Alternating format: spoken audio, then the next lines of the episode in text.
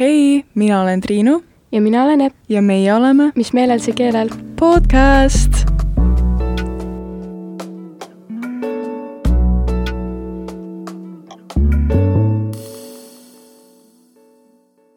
ja täna on meil külas Kaimai Feministeeriumist, tere! tere! kas tahaksid rääkida, kes sa oled täpsemalt ja millega tegeled? mina olen Feministeeriumi projektijuht ja Feministeerium, kes veel ei ole tuttav, on üks, ma arvan, et Eestis ainulaadne veebiajakiri, mis siis tõstabki esile feministlikku häält. ja kust tuli idee sellise projektiga alustada? mina tegelikult alustasin Feministeeriumis üldse vabatahtlikuna siis, kui Feministeerium juba olemas oli, et mina seda algatanud ei ole. aga Feministeerium sai juba kuueaastaseks sel suvel, jah. selle algatajad leidsidki, et selline koht on hetkel puudu, et pole häälekandjat, pole pole teemasid kuhugi tõstatada ja siis, kui midagi on puudu, tuleb auk täita ja nüüd on Feministeeriumi veebiajakiri. ja Feministeerium tegelikult tegutseb ka laiemalt, et meie need suunad ja projektid ja ja igasugused tegemised on jõudnud juba veebist väljapoole ka, et just see äh, feministliku kogukonna loomine ja üksteise toetamine erinevad äh,, erinevate projektide läbi. kuidas te üldse defineeriksite feminismi? no minu jaoks on see kuidagi väga lihtne, et feminism üleüldse seisab inimeste võrdse kohtlemise, võrdsuse eest mm. -hmm. ja ma arvan, et, et seda edasi defineerida, siis läheb juba pisidetailidesse. just, et igaühel on natuke individuaalne definitsioon selle jaoks. Feminism vajab tõesti palju rohkem häält ja kuulmist, aga Kaimai, kuidas sa ise feminismini jõudsid? oi, väga suure ringiga. et tegelikult äh, ma arvan, et ma olen äh, feminist olnud kauem, kui ma olen suutnud seda nime ja seda identiteeti täielikult mõista ja seda endaga siduda. aga minust sai feminist äh, väga mitmed aastad tagasi peale seda, kui ma juba olin pikalt südant valutanud äh, muude inimõiguste, vähemuste õiguste, kliimaõigluse, väga paljude selliste teemade üle ja need inimõiguste teemad tulid minu juurde tegelikult läbi selle, et ma muretsesin loomaõigluse pärast ja, ja selle juurde ma jõudsin läbi veganismi, et alguses minust sai vegan puhtalt ainult keskkonnamõtete pärast, ehk siis kõik sai alguse sellest, et ma muretsesin keskkonna pärast. ja keskkonna pärast ma hakkasin muretsema juba paarkümmend aastat tagasi, sest äh, mulle tohutult meeldib äh, ekstreemsport ja igasugune looduse sportimine. ja siis ma avastasin, et äh, kui, kui ma ise midagi ei tee meie loom-, meie looduse säästmise jaoks, siis äh, pole enam pikka pidu. ja, ja niiviisi ma jõudsin lõpuks suure ringiga feminismi juurde ja olles ise naine, siis tundub täiesti absurdne praegu mõelda, et ma väga pikalt ei suutnud äh, ära siduda, et naine olles võiksin olla enda poolt. Aga ei tea, kust siis tulebki väga paljudel see arusaam, et feminism on kuidagi meeste vihkamine? see, see, ma arvan, et hästi loogiline arusaam, sest äh, eriti kui sa ise oled mees ja ei ole pidanud äh, nägema teatud asju, et sul ei ole teatud kogemusi sarnaseid, mis võib-olla naistel on ja mis panevad neid võib-olla väga pika ringiga nagu minu, aga panevad ikkagi märkama mingisuguseid ebaõigluseid ja ebakõlasid. ja kui feminism paratamatult ju peab äh, aitama, et meil kõik saaksid olla võrdsed, siis äh, tuleb aidata neid, kellel on parasjagu vähem ja me teame, et vähem on tihti vähemustel, puuetega inimestel, seksuaalvähemustel, naistel, rassilistel, etnilistel vähemustel. ja selleks, et neid aidata, siis äh, peab keskenduma nendest rääkimisele ja see kuidagi tundub, et see diskrimineerib neid, kellest ei räägita parasjagu. ja sealt kohe võib tekkida, et kui sa ise ei ole kunagi pidanud tajuma ebaõiglust, sa ei ole märganud probleemi ja siis sa näed, et aga sind ju ei toetada, see võib sulle tunduda ebaõiglane, kui sa ei ole kunagi pidanud selle peale mõtlema. et enamasti need, kes näevad seda ebaõiglust, kui nendega tegelikult nagu rääkida nendest äh, küsimuste tuumani välja, arutleda sel teemal, siis äh, saadakse väga hästi aru, et mille jaoks feminismi vaja on ja, ja kuidas see ei ole kellegi äh, vihkamine või kellegi diskrimineerimine, vaid see on lihtsalt võrdsem kohtlemine, aidates neid, kes seda kõige rohkem vajavad aga kas teisse kui naisesse on suhtutud diskrimineerivalt? Äh, ma arvan, et äh, mida rohkem mul on oskust seda märgata, seda rohkem ma tajun, et, et seda juhtub peaaegu igapäevaselt. et võib-olla mitte ainult minuga ja võib-olla mitte ainult isegi teiste poolt, vaid meie need alateadlikud hoiakud võivad ka olla nagu mm, meie enda kohta, et näiteks äh, äh, kui uuringud näitavad, et juba pooleaastaseid lapsi tegelikult äh, alateadlikult äh, koheldakse soopõhiselt erinevalt.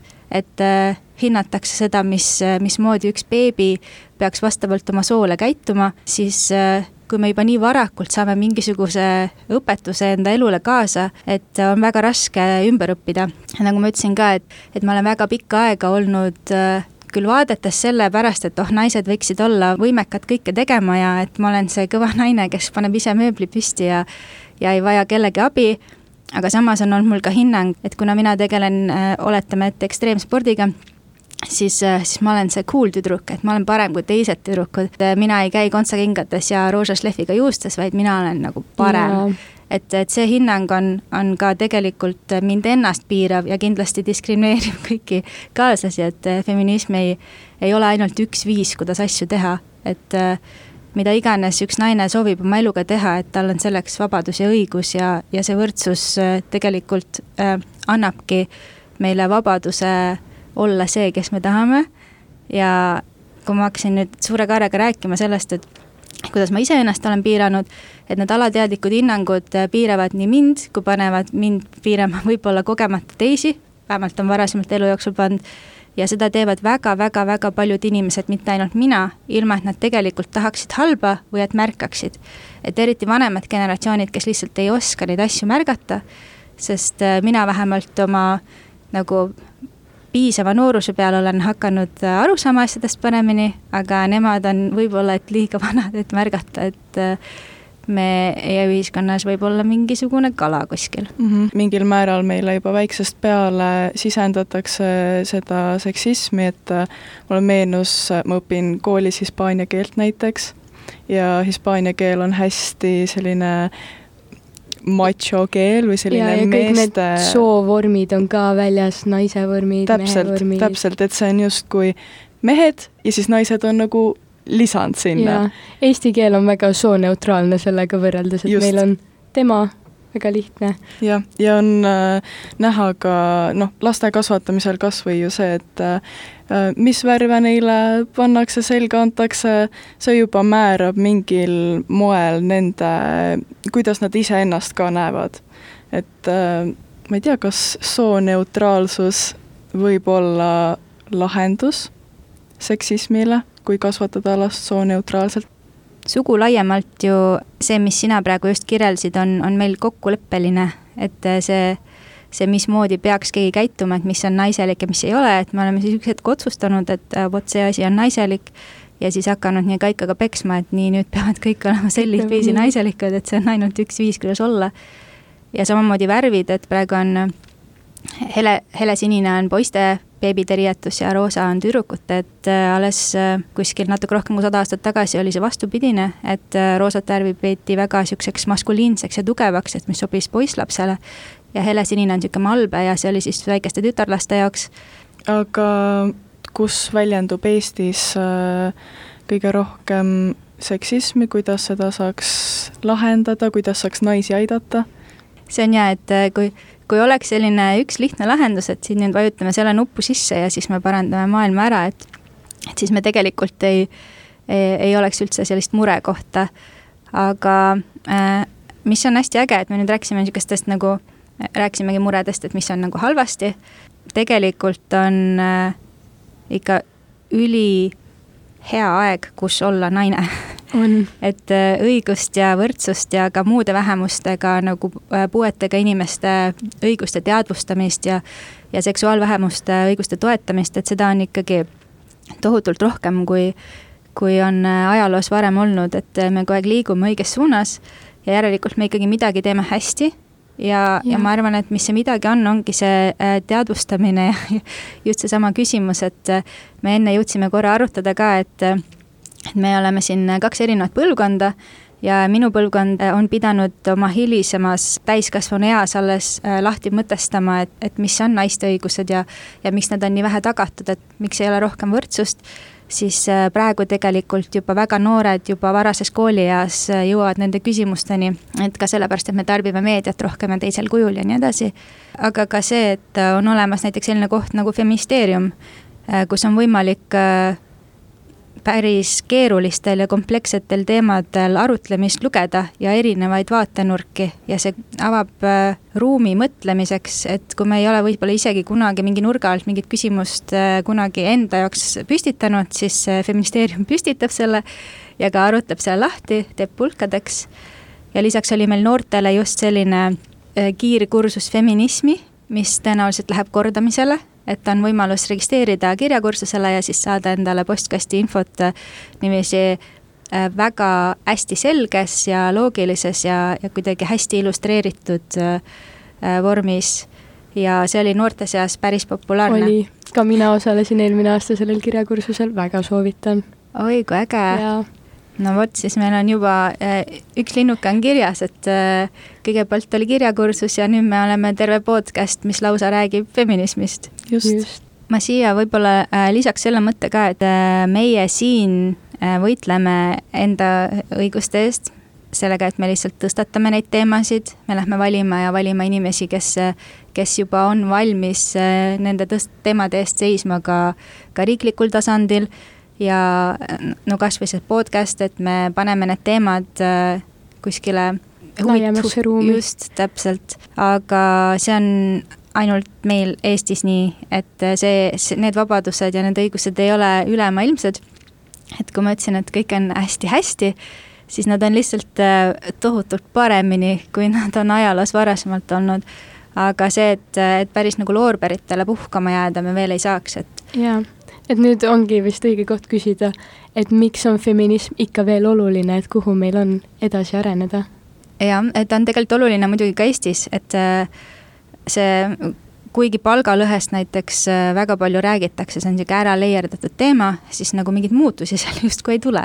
ei tule. et, äh, et me teame, et see probleem eksisteerib, me kas nagu, me vaidleme selle üle, et kas see eksisteerib endiselt veel ühiskonnas, et aga aga see on, on selline nagu teadvustatud mure, et äh, hästi palju suurem osa on see, mis me tegelikult alguses juba üle käisime, et et on need äh, alateadlikud hinnangud, mis on, et lapsele öeldakse, et, et missugune väike tüdruk olema peab ja milline, milline, milline ta olla ei tohi.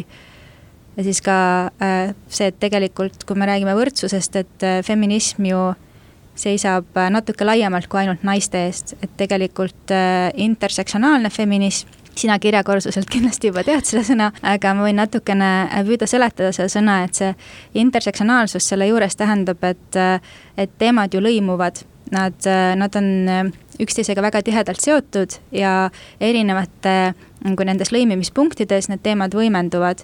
et kui ma olen näiteks naine, siis on mul üks piirang elus, et ma tean, et mind võib ohustada palgalõhe ja kõik need muud teised asjad, mis naiseks olemisega Eestis kaasas käivad. aga kui ma olen näiteks äh, puuetega inimene ja naine, siis ma ei ole kaks eraldi vähemust, vaid need kaks vähemust äh, ikkagi nagu võimendavad seda, missugune on minu kogemus maailmas. ja kui ma olen lisaks sellele ka näiteks äh, seksuaalvähemus või, või äh, mingisuguse teistsuguse etnilise tausta või nahavärviga, et siis see kõik nagu võimendab seda, mismoodi ühiskond mind äh, vastu võtab ja kohtleb.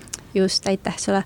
ja äh, kui me lähme siis Eestist väljapoole, et et siis tegelikult äh, see intersektsionaalsus feminismi juures tähendabki seda, et meie äh, valgete lääne inimestena äh, peame tajuma ka seda, et meil on palju rohkem ikkagi vabadusi ja õigusi ja kuni me me, meil ei oleks justkui nagu hea neid õigusi ainult endale jätta.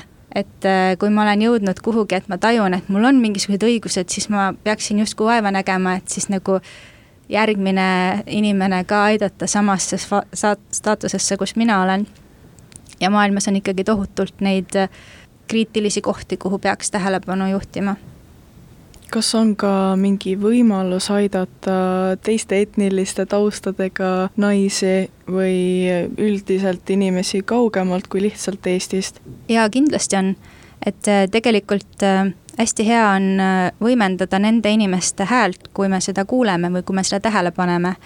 ja mida teadlikumalt me seda nagu püüame tähele panna, et seda rohkem me ka märkame. ja siin tuleb see sihuke sotsiaalmeedia aktivism ja, ja kõik muud teemad ka juurde, et et me tegelikult saame väga hästi ära kureerida selle, et, et mida, missugune info meieni jõuab ja ka siis nagu võimendada, et valida teadlikult äh, nagu rikastada enda seda nii-öelda meediafooni, mis me saame. et meil oleks ka äh, nii liikumispuudega kui, kui ka erinevate mitte neurotüüpiliste inimeste näiteks Instagram, et me, me nagu kuuleksime ja tajuksime ka teistsuguseid äh, inimesi, kui meile endale peeglist vastu vaatab. Ja äh, lisaks sellele on ka erinevad äh, telesaated, podcast'id, mis iganes aitavad meil nagu seda maailma paremini mõista, aga kui siis võimendamiseks läheb, siis tegelikult on väga palju erinevaid organisatsioone, kes juba teevad seda tööd ja kes vajavad nii meie aega, et vabatahtlikuna asuda, et alates Eestis Inimõiguste Keskusest kuni LGBT ühinguni kuni feministeeriumi endani et kus saab oma aega panustada ja kindlasti ka siis rahaliselt toetada ja nii edasi. ja mis puudutab välisabisse, et siis on ka näiteks äh, organisatsioon nagu Mondo, kes oli väga tubli nüüd viimases inimõiguste kriisis aitamas oma partnereid, kes siiani on tegelenud naiste harimisega, tüdrukute harimisega, et ei, ei satutaks hätta. kui mina teen näiteks annetuse feministeeriumile, mis te selle rahaga siis edasi teete? Äh, see oleneb, et ühest küljest äh, selline annetus annab meile nagu tugeva seljataguse et kui juhtus äh, aasta jagu tagasi, et meile lubatud toetused järsku kirjutati nii-öelda e-, eelarvest välja, sellepärast et, et võimul olevatele poliitikutele miski justkui ei sobinud, et siis sellised asjad on päris, teevad olemise päris kõhedaks. sellised annetused annavad meile see seljataguse, et me teame, et inimesed vajavad seda, mis me teeme ja et, et me, meil on mõistlik sellega igal juhul alati jätkata teine asi on see, et kui meil on mingisugused projektid, näiteks äh, hiljuti me kogusime annetusi äh, Leedu naistele, kes on põgenikelaagris ja vajasid hügieenisidemeid, tampoone, et seal oli ikkagi väga mitmed, mitmed kastid, mida me suutsime hügieenisidemeid osta, et seal oli kümnetes, kümnetes kastides. Ja kuna neid äh, põgenikke, kes vajab abi, on tuhandeid ja, ja, ja seda abi on mujalt nii vähe, et siis ma kujutan ette, kuidas see võib isegi olla see, äh, see vabadus, et sa on teada, et sa ei pea muretsema mingisuguse elementaarsete hügieenisidemete pärast, et sa tunned, et sa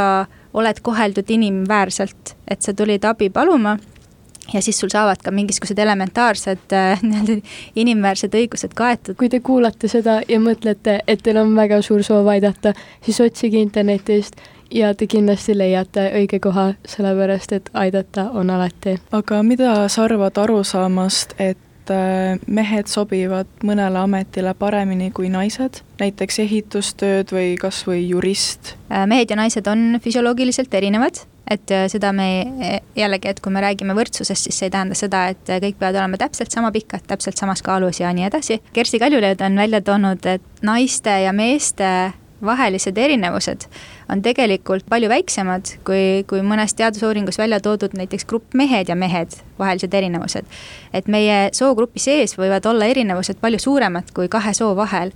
ja sellist asja, et, et päriselt mingid ametid kindlasti ainult ühele soole sobivad, et see sellise info baasil tundub jabur kõik olenebki nii väga üksikindiviidist. just, aga seda, et miks mingites ametites on ikkagi inimesi rohkem, seda nüüd äh, täiskasvanud inimeste valikute järgi otsustada on, on ka väga raske. sest kui me just enne rääkisime, et lapsed lasteaias juba saavad mingisuguse nagu äh, sisendi või ajendi endale, et mida nad peaksid tegema või ei tohi.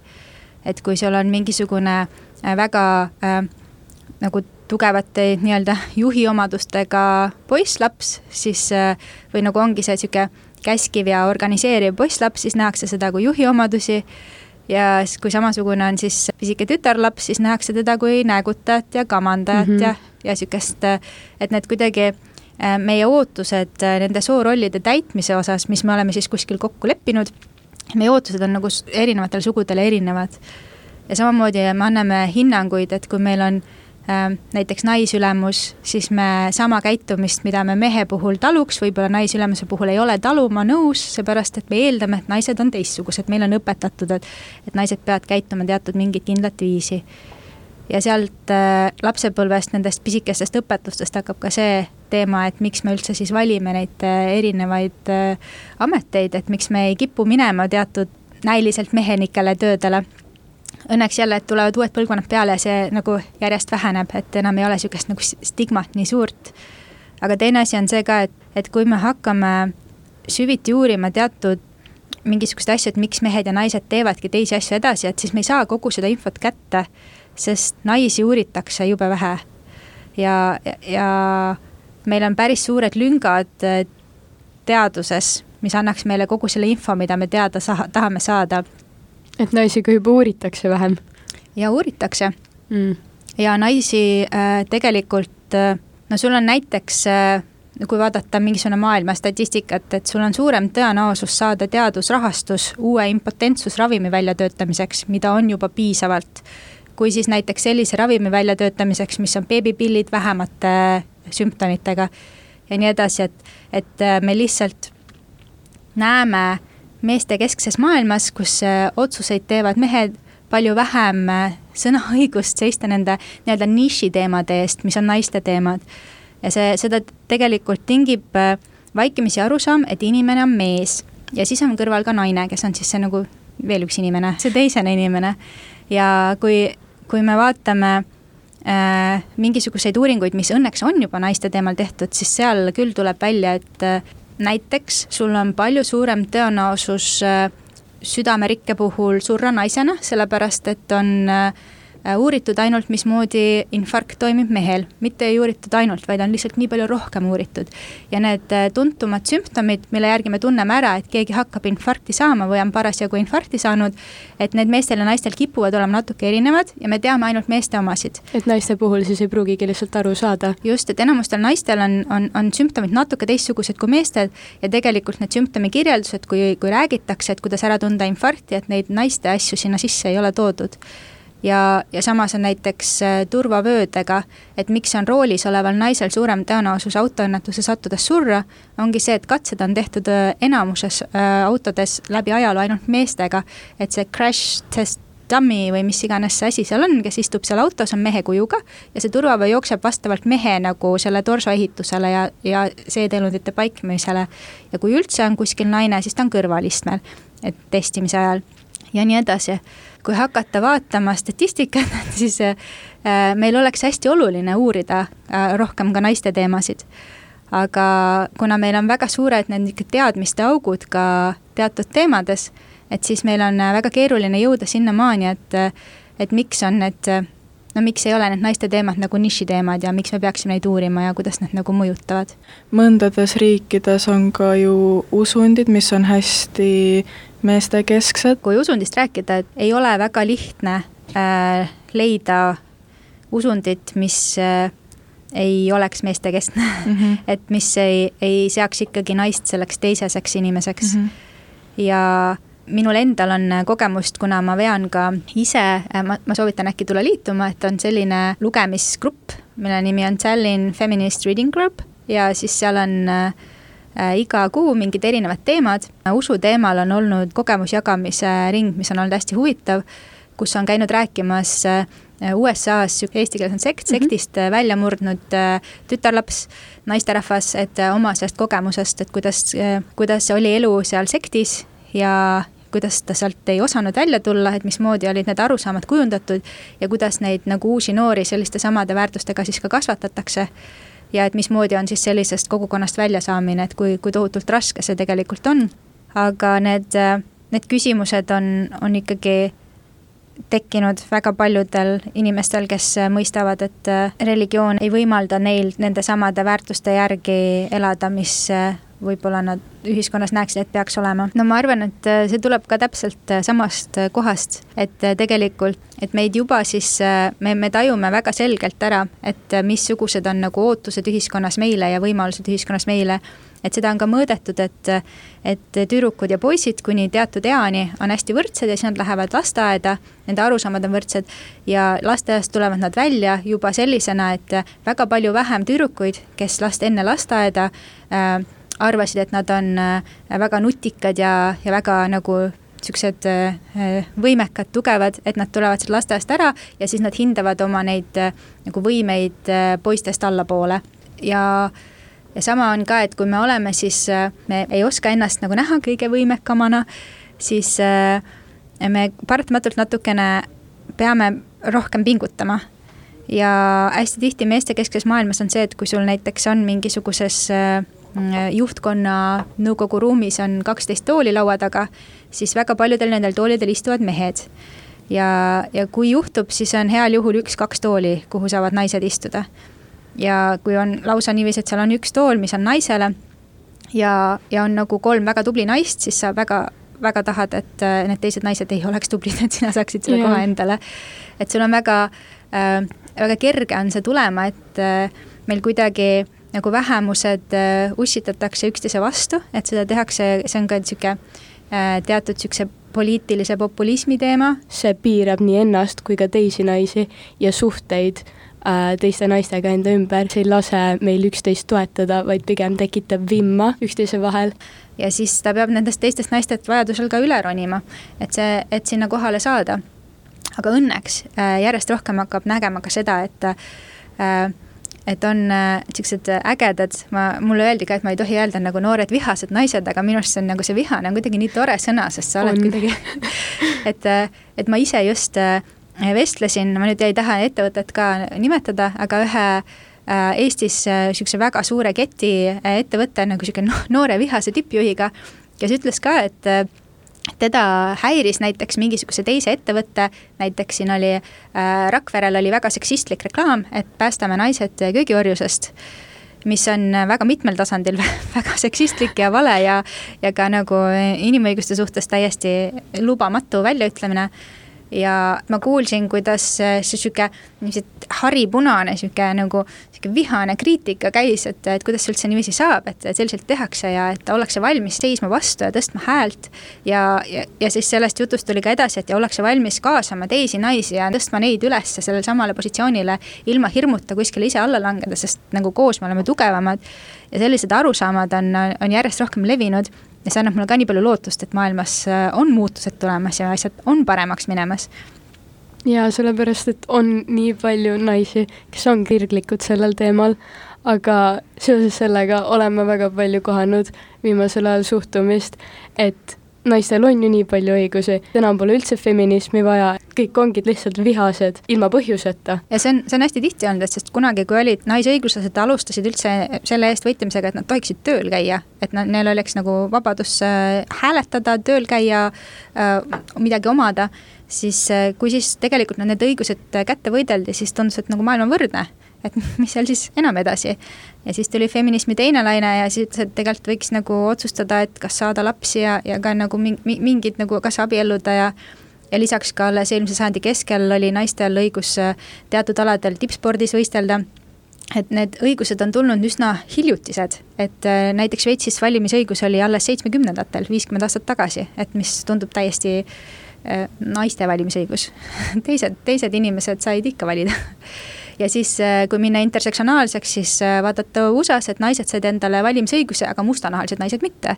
et, äh, et nemad, nemad pidid veel väga pikalt ootama, enne kui nemad said õiguse valida et siis nagu need kuidagi on läinud jupiti ja iga kord, kui see üks võit on käes, siis nagu kuidagi need, kes neid seda operatsiooni ise ei koge, need ütlevad, et noh, korras, saite, mis tahtsite. kui sa oleksidki seisma jäänud lihtsalt selles hetkes, et kõik, me polekski jõudnud praegu siia. just, väga siis. õige ennustatakse, et tegelikult, kui me jätkame samal trajektooril, siis äh, võrdne maailm ei ole väga kaugel, et Euroopas näiteks juba kaks tuhat kaheksakümmend wow.. et see kuuekümne aasta pärast võivad juba olla asjad palju paremini, et, et, et me ei pea enam nende sooküsimustes üldse tegutsema.